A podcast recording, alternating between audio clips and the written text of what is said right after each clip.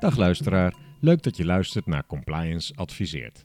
Het grote belang van integriteit binnen financiële ondernemingen en de bijzondere, wettelijk verankerde rol daarin van de compliance-functie fascineert ons. Daarom praten we ongeveer maandelijks met ervaringsdeskundigen en delen dit graag met een zo breed mogelijk publiek. Een podcast is daar dus ideaal voor. We zijn Niek Reuzelaars, zelfstandig compliance officer, werkzaam via Connective Payments. En ik, Erik Rijssenweber, compliance officer bij Triodos Bank Nederland. En eh, compliance adviseert, abonneer je op deze podcast, zodat je geen gesprek mist. Vandaag hebben we een gesprek met Maurice Jongmans uit Delft. Hij is CEO van online payment platform en voorzitter van de Verenigde Betaalinstellingen Nederland.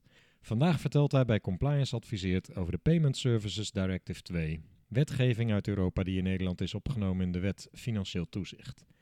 Maurice vertelt ons hoe de PSD2 in de praktijk uitpakt.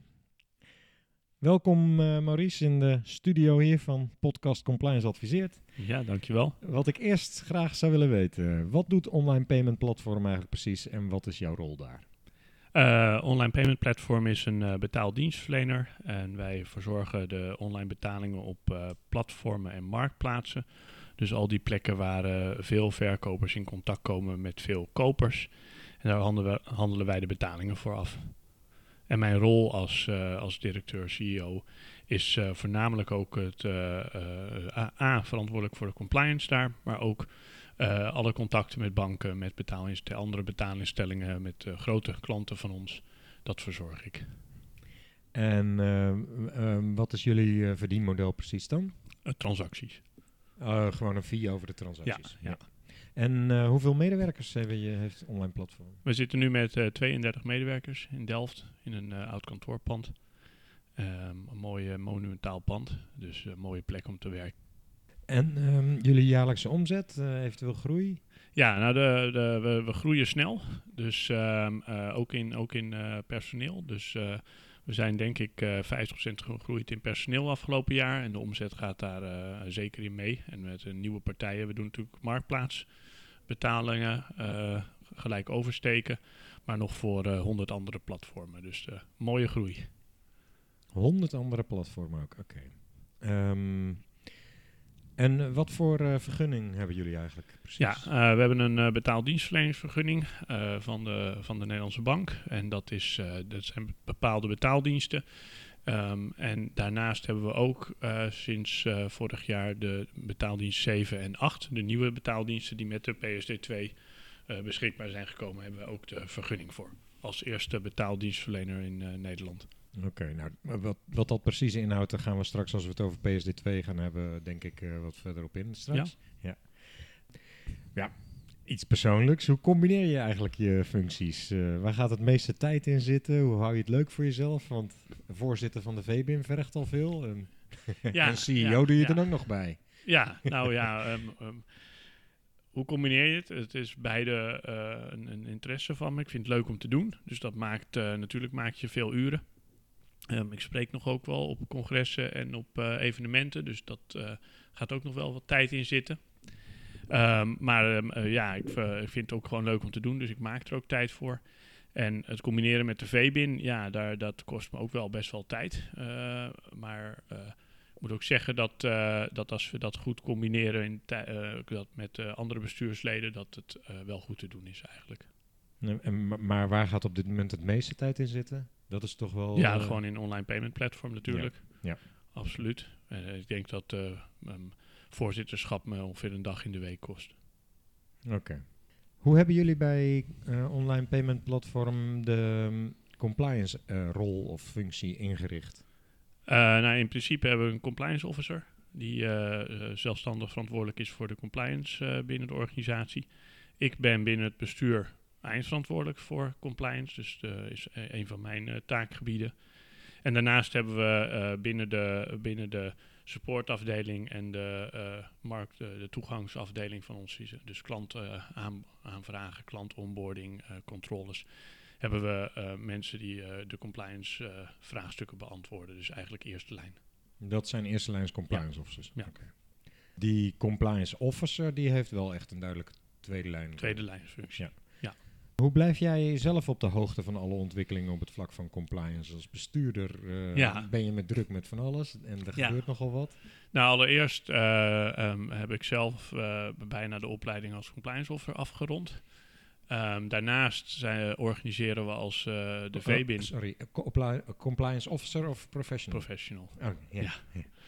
ja. En ehm, eh, binnen de VBIN eh, ehm, organiseren we jaarlijks een compliance update. ehm, zowel voor de compliance medewerkers van betaalinstellingen als voor eh, de bestuursleden. En beide eh, woon ik ook altijd bij. Dus ik denk dat ik daarmee al eh, in algemeenheid op het gebied van compliance redelijk op de hoogte ben.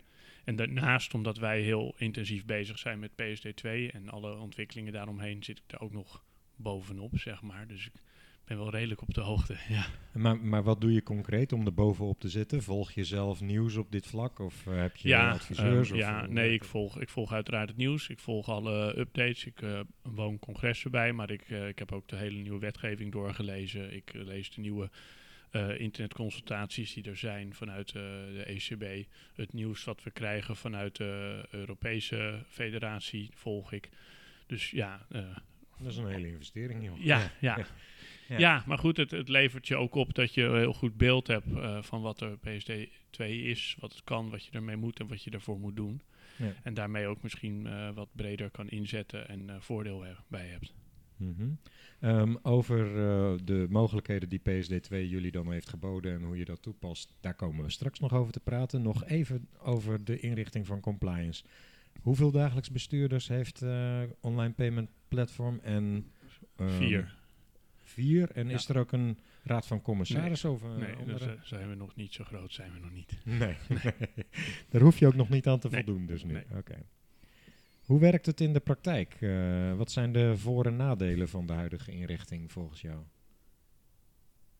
Nou, ik denk dat wat, eh, wat, wat voor ons ook, de manier waarop wij compliance ook hebben ingericht, is dat wij, wij werken natuurlijk, we hebben eigenlijk drie, drie typen klanten. Je hebt het platform is je klant. Ehm, je hebt daarop al hun gebruikers zijn je klanten. En je hebt natuurlijk nog de, de betalers, die in sommige gevallen bij ons ook klant zijn. Op het moment dat ze bijvoorbeeld eh, de gelijkoverstekendienst afnemen. Dus dan eh, houden wij het geld vast tot het product geleverd is. Dat betekent dat je eigenlijk op drie niveaus eh, naar verschillende type klanten kijkt. En zo hebben we de compliance ook in, ingedeeld. Dus ehm, op, op het niveau van het platform kijken wij al van welke risico's biedt dit specifieke platform, welke voorwaarden willen we eraan stellen, welke limieten gaan we daar hanteren en welke stappen ondernemen we om, om gebruikers op dit platform veilig te kunnen onboorden. En, en we zien dat ook als meerwaarde voor het platform. Gecontroleerde gebruikers, eh, geverifieerde gebruikers zijn een, een waardevermeerdering voor het platform. Dus de CDD van de gebruikers, zeg maar, of de risico-inschatting met gebruikers, ligt bij, eh, bij jullie, niet bij de platformen Ja, die jullie Dat ligt bij ons.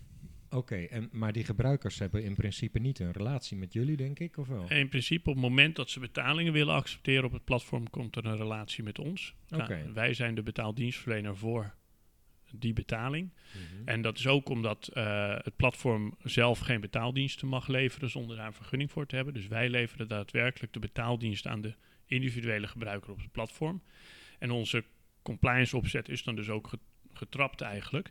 Eerst wordt er een risico-inschatting gemaakt van het platform en het type gebruikers. En wat een platform zelf soms al doet om bepaalde gebruikers of producten te weren. Vervolgens krijgen we naar de transactieverwachting die we op een normale gebruiker op dat platform hebben. En daar kunnen we dus ook op monitoren. Als een gebruiker afwijkt van wat we normaal verwachten op dit platform, wat voor een ander platform heel normaal kan zijn, is dat voor dit platform specifiek verwachten wij ander gedrag. Dan kunnen we daar ook al op monitoren. Hmm. En om begripsverwarring te voorkomen, met gebruiker bedoel je een partij die zich bij het platform meldt, ik wil ja. iets verkopen, juist. Ja. Ja. En kijk je, hoe kijken jullie ook naar be- betalers dan, de, de kopende partijen? Eh, nou, ja, in, in sommige gevallen zijn de kopende partijen houden we, maken we ook dossiers van aan. Dat ligt aan eh, de dienst die ze afnemen.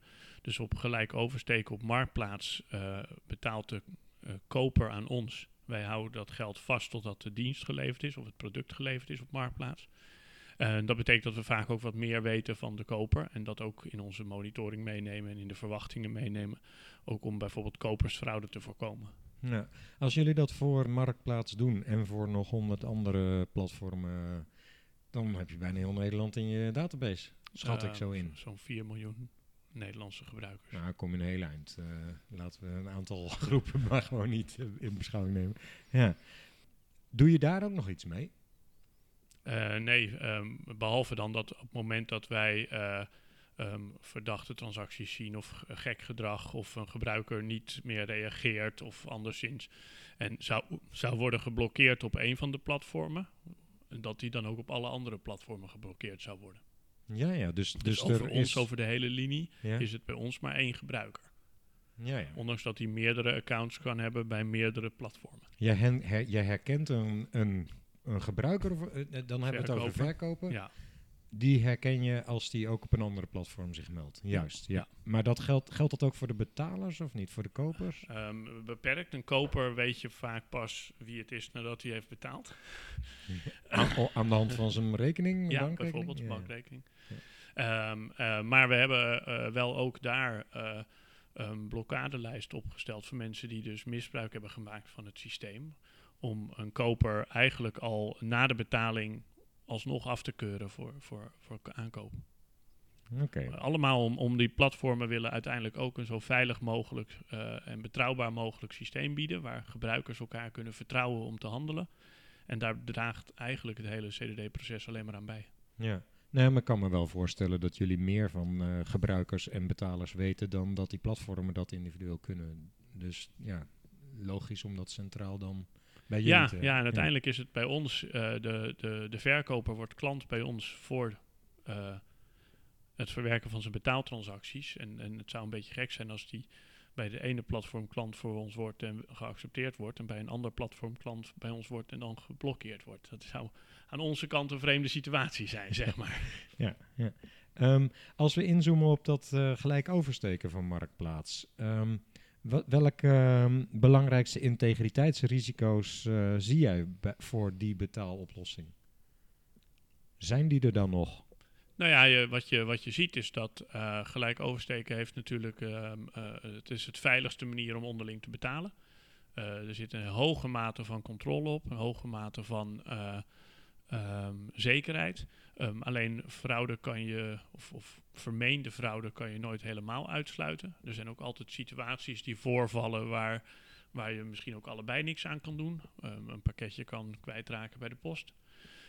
Je, een, een- een, gebruiker, een, een koper of verkoper kan op een gegeven moment niet meer reageren. Daar kunnen allemaal hele eh, re- redelijke persoonlijke situaties aan de grondslag liggen. Mensen Mhm. kunnen ziek worden, mensen kunnen eh, onbereikbaar zijn voor een Oké, tijdje. dat, dat zijn meer operationele Ja, risico's. ja en, die- en dat heeft tot effect dat die betaling dus in sommige gevallen wel doorgevoerd wordt, in sommige gevallen niet, in sommige gevallen ehm, uitgesteld wordt.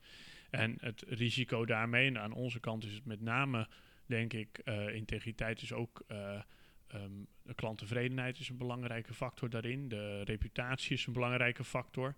Ehm, dat is iets waar, waar je het risico op loopt, omdat je toch ook nooit volledig fraude of, of ehm, dingen die niet helemaal goed lopen kan voorkomen. Dus die risico's zijn bij ons wel van belang, daar hebben we ook veel aandacht voor. Mhm. En ehm, eh, is er een verschil in risico's die redelijk eenvoudig te mitigeren zijn en risico's die echt gewoon bijna niet te mitigeren zijn? Nou, het, eh, de- bijvoorbeeld dat reputatierisico, dat is iets waar wij best wel heel veel tijd in stoppen, wat ook heel ingewikkeld is. Ho- hoe dan? Nou ja, als voorbeeld is bijvoorbeeld eh, online reviews. Ehm, als je kijkt naar eh, Trustpilot of, eh, of Google, dan mensen die ontevreden zijn, zijn, weten de weg naar een review vaak heel eenvoudig te vinden. Ehm, en mensen die tevreden zijn, die hebben die behoefte helemaal niet zozeer om een review achter te laten. Nee. Dus, dus ehm, het zorgen dat je altijd reageert op de reviews op Google, de negatieve reviews ook. Het zorgen dat we eh, onze telefonische helpdesk goed bereikbaar is. Maar ook het motiveren van, van tevreden gebruikers. Ehm, ik zie dagelijks hoeveel problemen, potentiële fraude, maar ook gewoon problemen die voorkomen tussen koper en verkoper. Hoe vaak we dat kunnen oplossen en hoe vaak daar dus een tevreden gebruiker eh, van overblijft, zeg maar. Dan, en ja, die dan ook af en toe maar vragen om alsjeblieft een review af, achter te laten. Hier is het formulier. Ja, en ik denk dan dat, on, dat on, die, die effort, ja, dat moet je misschien wel, wel 50 keer vragen voor één iemand dat doet. Terwijl als iemand ontevreden is, hoef je het maar één keer te vragen en dan heb je meteen die review te pakken, zeg Ja. maar. Ja, oké, maar Ja. dat is, dat is reputatiemanagement. Ehm, ja, en dus ook integriteitsrisico daarmee. Ehm, als mensen ehm, een negatieve reputatie achterlaten, eh, kan dat op termijn de reputatie van het bedrijf eh, schaden. En mensen het ehm, niet meer gaan gebruiken, bij wijze van spreken, omdat ze denken dat het Terwijl het eigenlijk alleen maar om beeldvorming ging. Dat Ja. was niet echt een integriteitsrisico, Nee. bedoel je. Nee. Maar komt het wel eens voor dat het geld, ook al is er gebruik gemaakt van gelijk oversteken, toch niet op de juiste, of dat pakketje niet op tijd. Ja, dat Of- kan. En met andere woorden, blijft er nog een fraude-restrisico ook Ja. over, of is het alleen reputatie? Nee, er blijft een fraude-restrisico over. Ja, ja.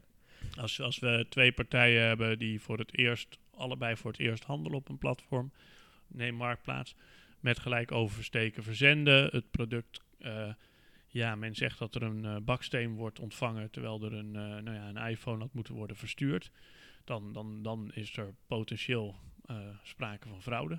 Er is natuurlijk dan ook niet na te gaan voor jullie wie dan gelijk heeft. Nee. Want We hebben een- geen reputatie van beide gebruikers op dat moment. Soms hebben we die wel, in dit, in dit voorbeeld natuurlijk niet.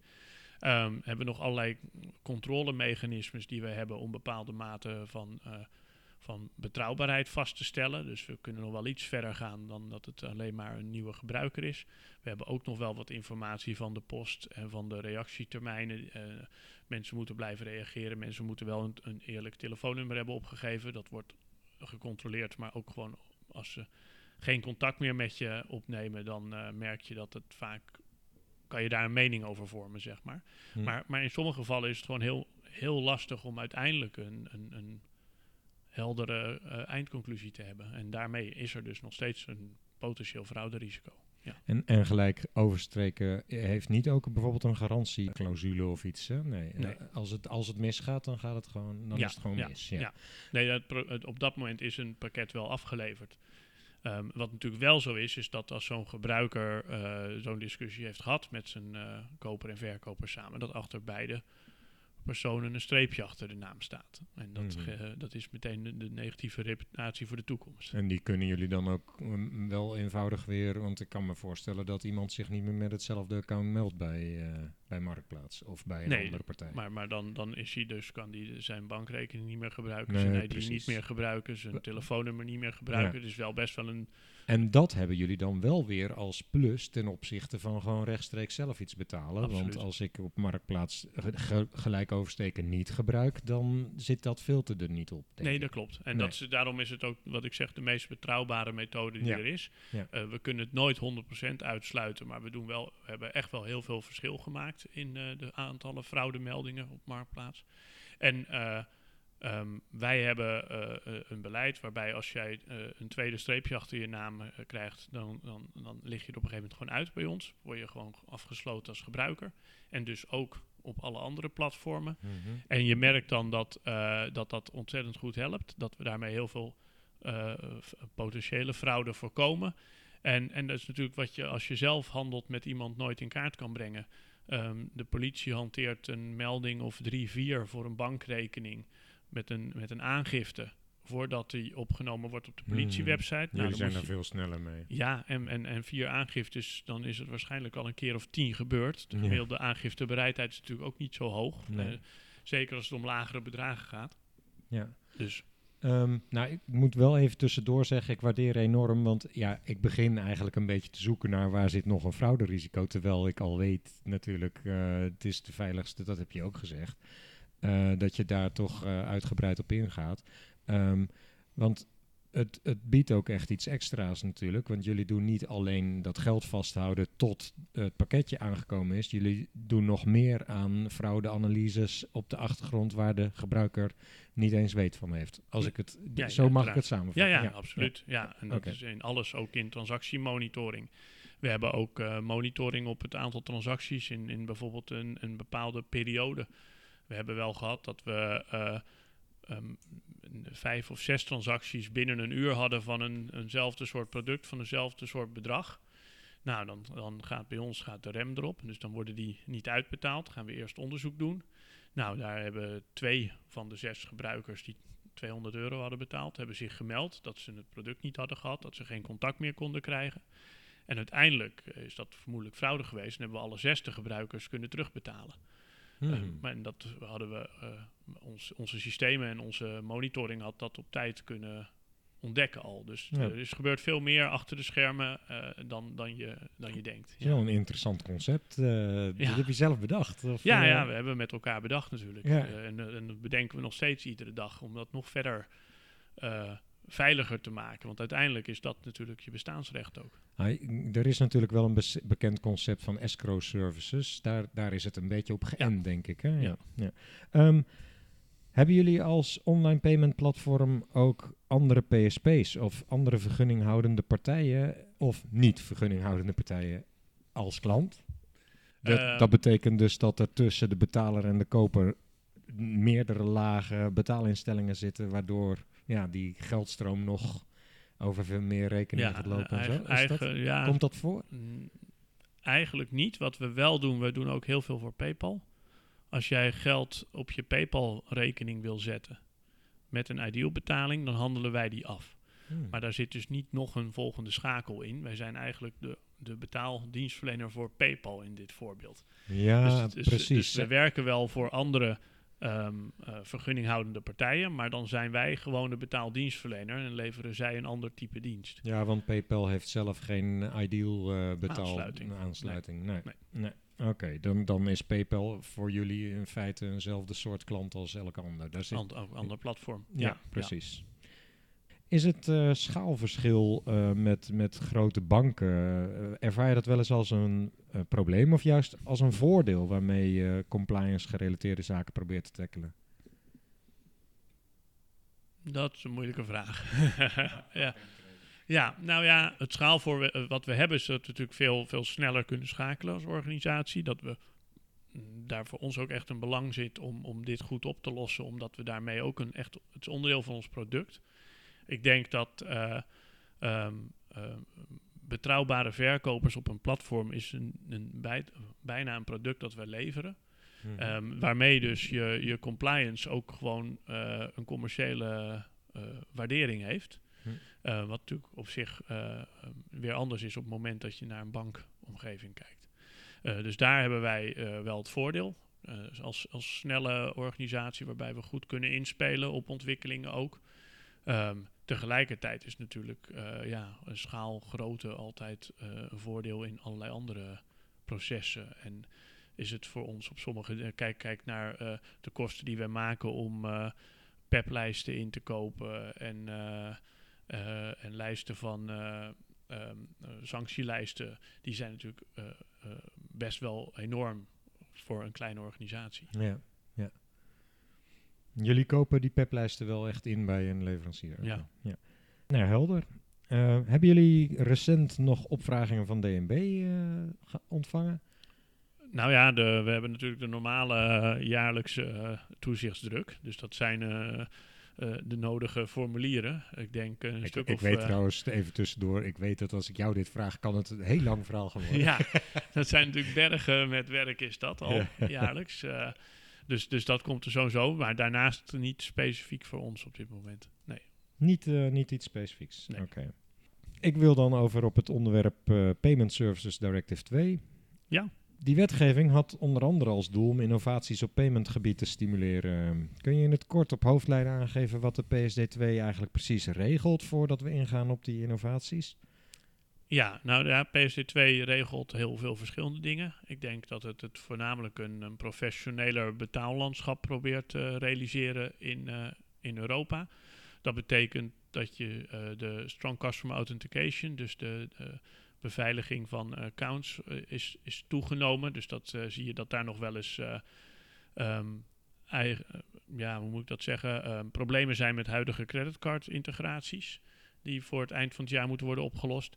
Ehm, maar maar ehm, het, het betekent dat meer partijen onder die wetgeving zijn gaan vallen. Wat ik net aangaf, dat een platform, als die een platform zelf de betalingen over zijn of haar rekening zou hebben lopen, dat ze ver- vergunningsplichtig zijn geworden. Dat waren ze voorheen niet.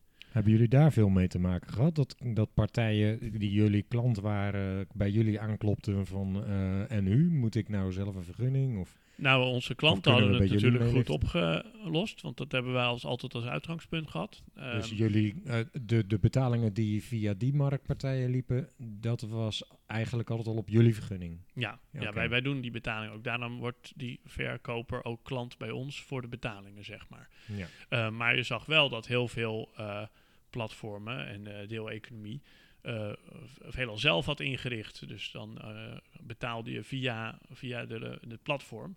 Nou, dat, dat kan eigenlijk niet meer onder de nieuwe wetgeving. Nou, een heleboel partijen heeft zich dat gerealiseerd en is op zoek gegaan naar een betaaldienstverlener die, die goed platformen kan faciliteren. Nou, die zijn er niet zoveel, dus de meeste daarvan zijn bij ons uh, langsgekomen. Mooi. En, en daarnaast zijn er uh, een aantal die het zich nog niet realiseren. Dat is natuurlijk altijd als je um, uit een marktomgeving komt die niet gereguleerd is, dat je niet altijd bewust bent van het feit dat er op een gegeven moment regulering is ontstaan, zeg maar. Dus ik denk dat daar ook nog een rol voor DNB ligt om duidelijk te maken aan die partijen dat ze op dit moment voor die diensten een vergunning nodig hebben. Hm. Maar dat is eigenlijk de, de uitbreiding in de, in de wijte, in de toepassingsbereik van PSD2. En daarnaast, en daar is natuurlijk het meeste om te doen geweest, is er wat we noemen access to the account uh, gekomen. Dat wil zeggen dat uh, banken en andere partijen die online rekeningen uh, beschikbaar stellen, dus dat is ook PayPal, um, toegang moeten gaan verlenen aan derde partijen met een vergunning om toegang te krijgen tot de betaalrekening van een gebruiker, van een consument. Um, en dat betekent dat je twee soorten diensten daarop kan ontwikkelen. Het eerste is de betaalinitiatie, dus dat je een betaling in gang zet uh, in naam van een uh, gebruiker. En de tweede is de accountinformatie, rekeninginformatiedienst. Dus dat je eigenlijk de uh, rekeninginformatie kan ophalen wat er is, heeft plaatsgevonden op zo'n rekening en daar dan een verwerking op kan toepassen. Nou, nou zei je in het begin van het gesprek, uh, wij hebben uh, betaalvergunning 7 en 8. Ja. Dan weet ik toevallig, dat zijn dus die nieuwe betaaldiensten waar Ja. je het over hebt, Access to the Account. Wat, wat doen jullie precies? Wat, wat zijn jullie van plan? Of, of gebruiken jullie die vergunning al voor bepaalde diensten die je nu biedt? Ja, we hebben, een, we hebben vorig jaar, vlak voor de, vlak aan het eind van de zomer, hebben we de allereerste PSD2-betaling geïnitieerd uh, in, in Nederland. En wat we daar. Uh, kun, je precies, kun je even toelichten wat, dat, uh, wat, dat, wat ik me daar precies bij me moet dat voorstellen? Dat betekende dat wij een, een, koppeling hadden gemaakt met in dit geval de Rabobank. Om namens uh, iemand anders een betaling in zijn bankomgeving te kunnen initiëren, klaarzetten. Ja. En we, we, eigenlijk lijkt dat proces heel erg op het ideal-proces. Daar word je ook eigenlijk een, wordt ook eigenlijk een betaling uitgevoerd uh, binnen je bankomgeving. Dus in Nederland is dat eigenlijk niet zo nieuw. Voor andere plekken in Europa is dat wel heel erg vernieuwend. Maar in Nederland kan je dus wel iets meer ook dan alleen maar een ideal betaling. En een van de dingen waar wij in eerste instantie op hebben gericht is een betaling die je voor de toekomst klaarzet. Dus niet die meteen wordt uitgevoerd, maar op een later te bepalen datum. Waarbij je kan voorstellen dat je een, uh, een factuur die je krijgt, uh, die wil je niet nu betalen, maar wel nu afhandelen. Dus die zet je klaar voor uh, de laatste betaaldatum.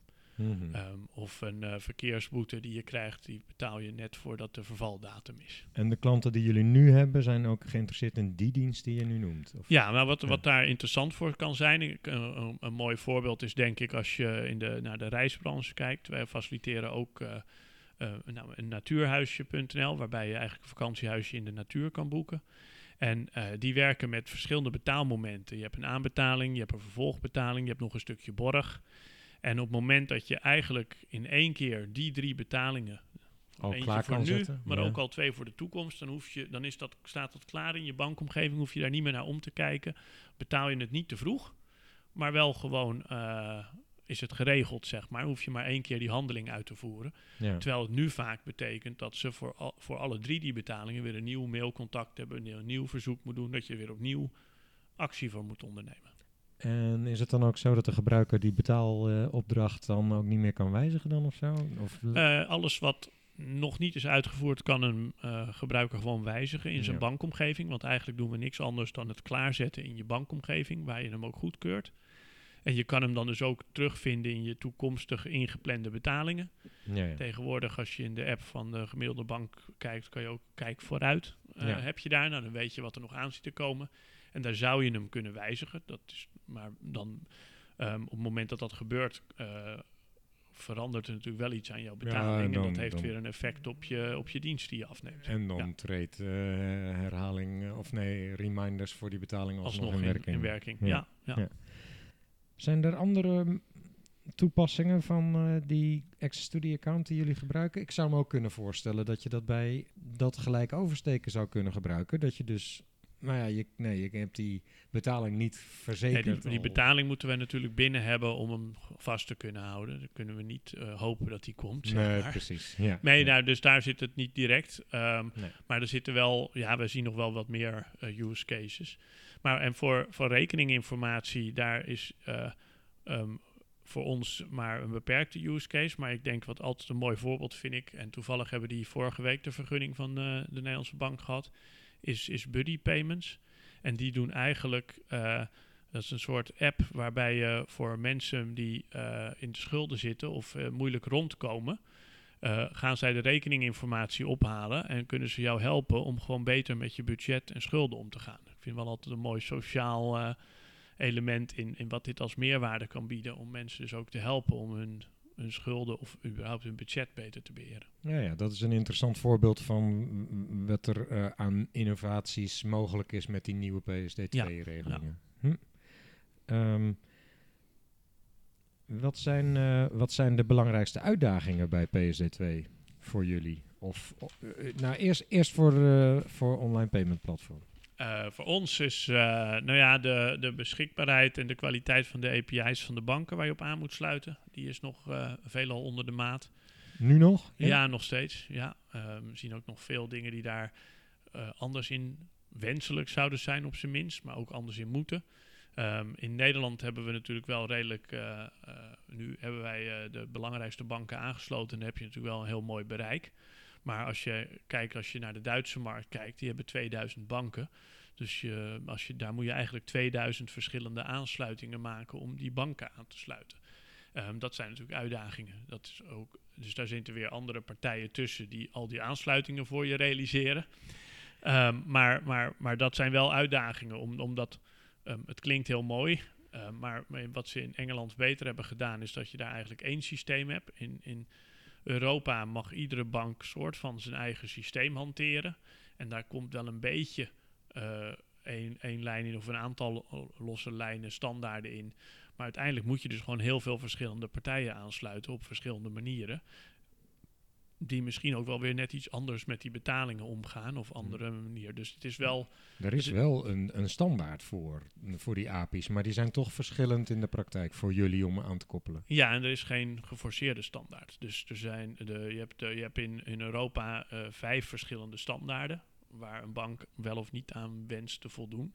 En als een bank zegt, ja, maar ik maak eh, voor mijn ene bankje een standaard 6, dan is dat ook mogelijk. Ik dacht dat er een eh, regulatory technical standard was. eh. Ja, maar de, de, de RTS vertelt vooral wat je moet doen, maar niet hoe je het moet doen. Dus, Ah. dus wat je, als ik eh, over onze API-standaarden heb, dat je dus eigenlijk, als je een koppeling met de ene bank gemaakt hebt, dat je eigenlijk dezelfde koppeling kan maken met een andere bank. Dat, dat, Zo werkt dat, het niet. Die standaard hadden we graag gehad, Ja, natuurlijk, maar die, ja. die is er niet. Gaat die er nog komen? Of? Lijkt me wel. Nou ja, ehm, de Berlin Group standaard is een standaard die een aantal banken wel heeft geaccepteerd. De meeste in Nederland ook. En, en dus dat is dus de grootste eh, standaard binnen Europa. Eh, ja, het zou voor iedereen natuurlijk prettig zijn als dat een standaard gaat worden. Maar ja, of de banken daar echt belang bij hebben en of ze daar ook in meegaan, dat verschilt denk ik heel erg per bank. Ja. Mm. En, eh, zie jij dit trouwens ook nog iets als iets wat hoort in het compliance domein? Ehm, de, het vol- Eh, Heeft het, heeft het integriteitsrisico's in zich, de manier waarop PSD2 nu is ingericht op deze manier, denk jij? Nou ja, eh, ehm, eh, het heeft natuurlijk aan de kant van de bank zit hier een compliance. Want zij moeten voldoen aan die wetgeving voor het eh, creëren van die toegang. Hè? Ja. En daar zit dus ook eh, de nodige eh, compliance regelgeving eh, en, en, en toezicht op. Ehm, en daar is heel veel discussie ook over. Waar moeten we nou precies aan voldoen? En, en, en wat is nou minimaal noodzakelijk? Ehm, voor ons geldt dat we natuurlijk ook voor al die ehm, koppelingen moeten gaan kijken hoe belangrijk wordt die koppeling voor ons en wat nou als die het zo meteen niet doet. Wat voor impact heeft dat op ons bedrijf? Wat voor impact heeft het op de Hmm. beschikbaarheid van onze dienst? Als je onder eh, compliance ook operational risk, eh, maar het lijkt mij voornamelijk een operational risk. Of is er, Ja, is maar- er maar- of zie jij ook integriteitsrisico's op dit vlak? Bijvoorbeeld, kan het misbruikt worden? Kunnen de data op de verkeerde plek terechtkomen? Wat, hoe zie je dat? Ik, dat ligt redelijk in, in hetzelfde lijn als wat wij nu Ideal gebruiken.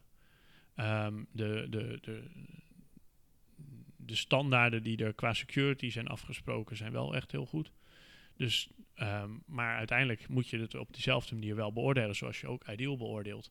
En, en, en is dit nog passend en, en, en willen we dit op deze manier gaan toepassen? En dat is met name als je nog de stap zegt naar account informatie, want, want payment initiation is nog een, een, echt een, een, een betaling. Hè?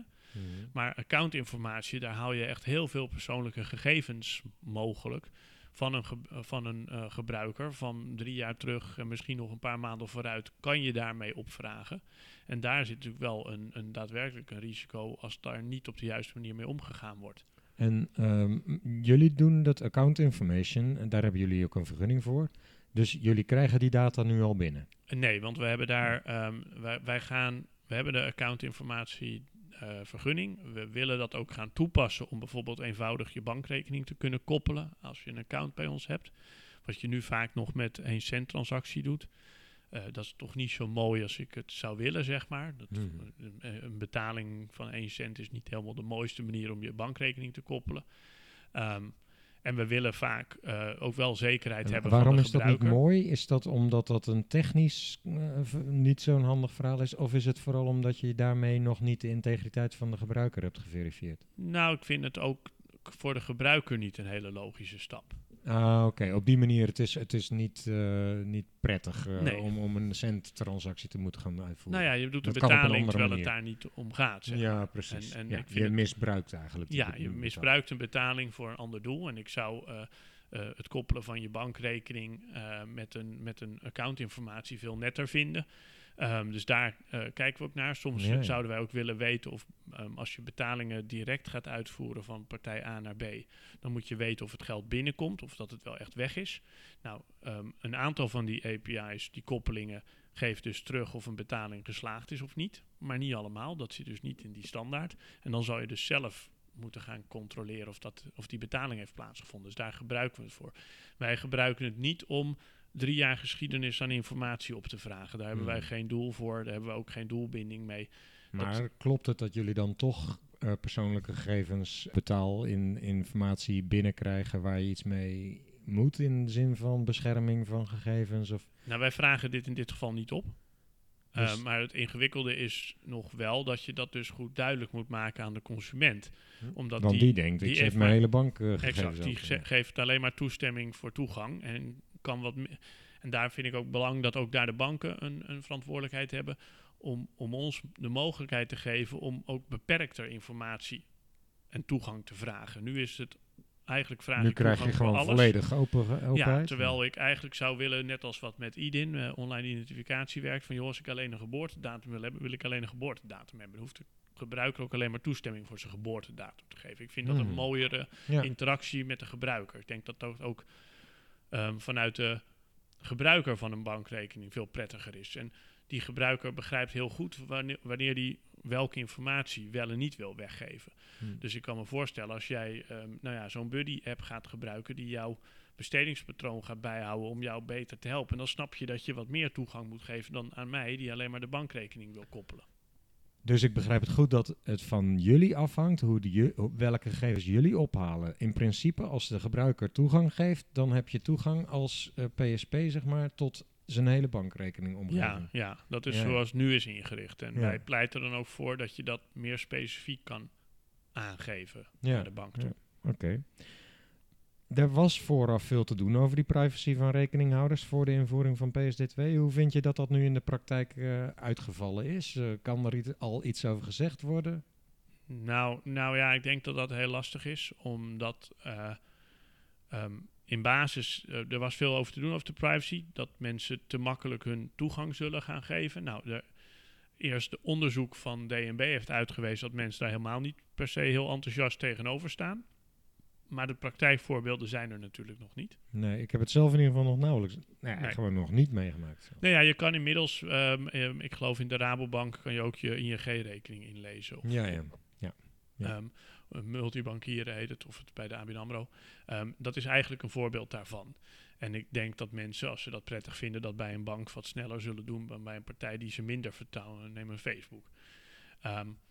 Maar ik, ik ben heel erg benieuwd als zometeen de eerste diensten daar komen, hoeveel mensen bereid zijn om die informatie te delen. Nou ja, als we, uh, je noemde net dat voorbeeld van die buddy payments. Ja. Dan zal een gebruiker zelf moeten zeggen, nou buddy payments, jij krijgt toegang tot mijn rekeninginformatie.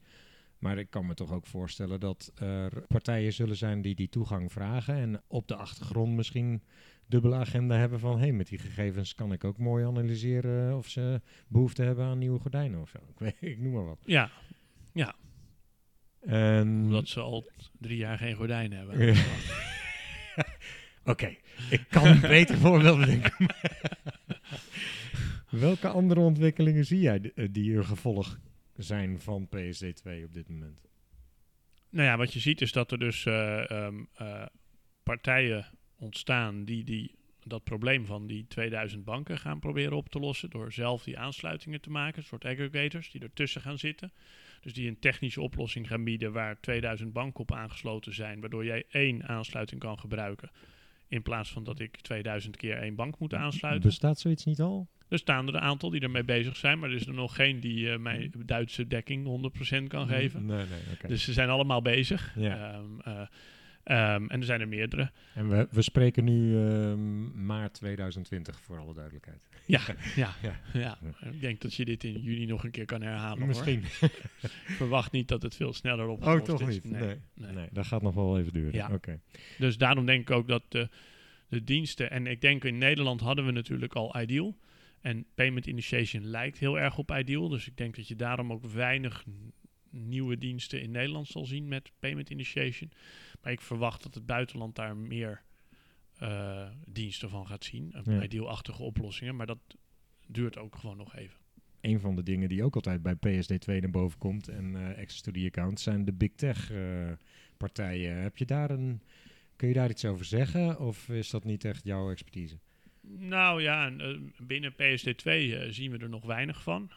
Maar we, we, horen natuurlijk wel, nou ja, je hebt Apple Pay, um, maar die zitten niet per se in het PSD2-vlak heel erg. Maar die hebben natuurlijk wel een enorme sprong gemaakt in, in Nederland.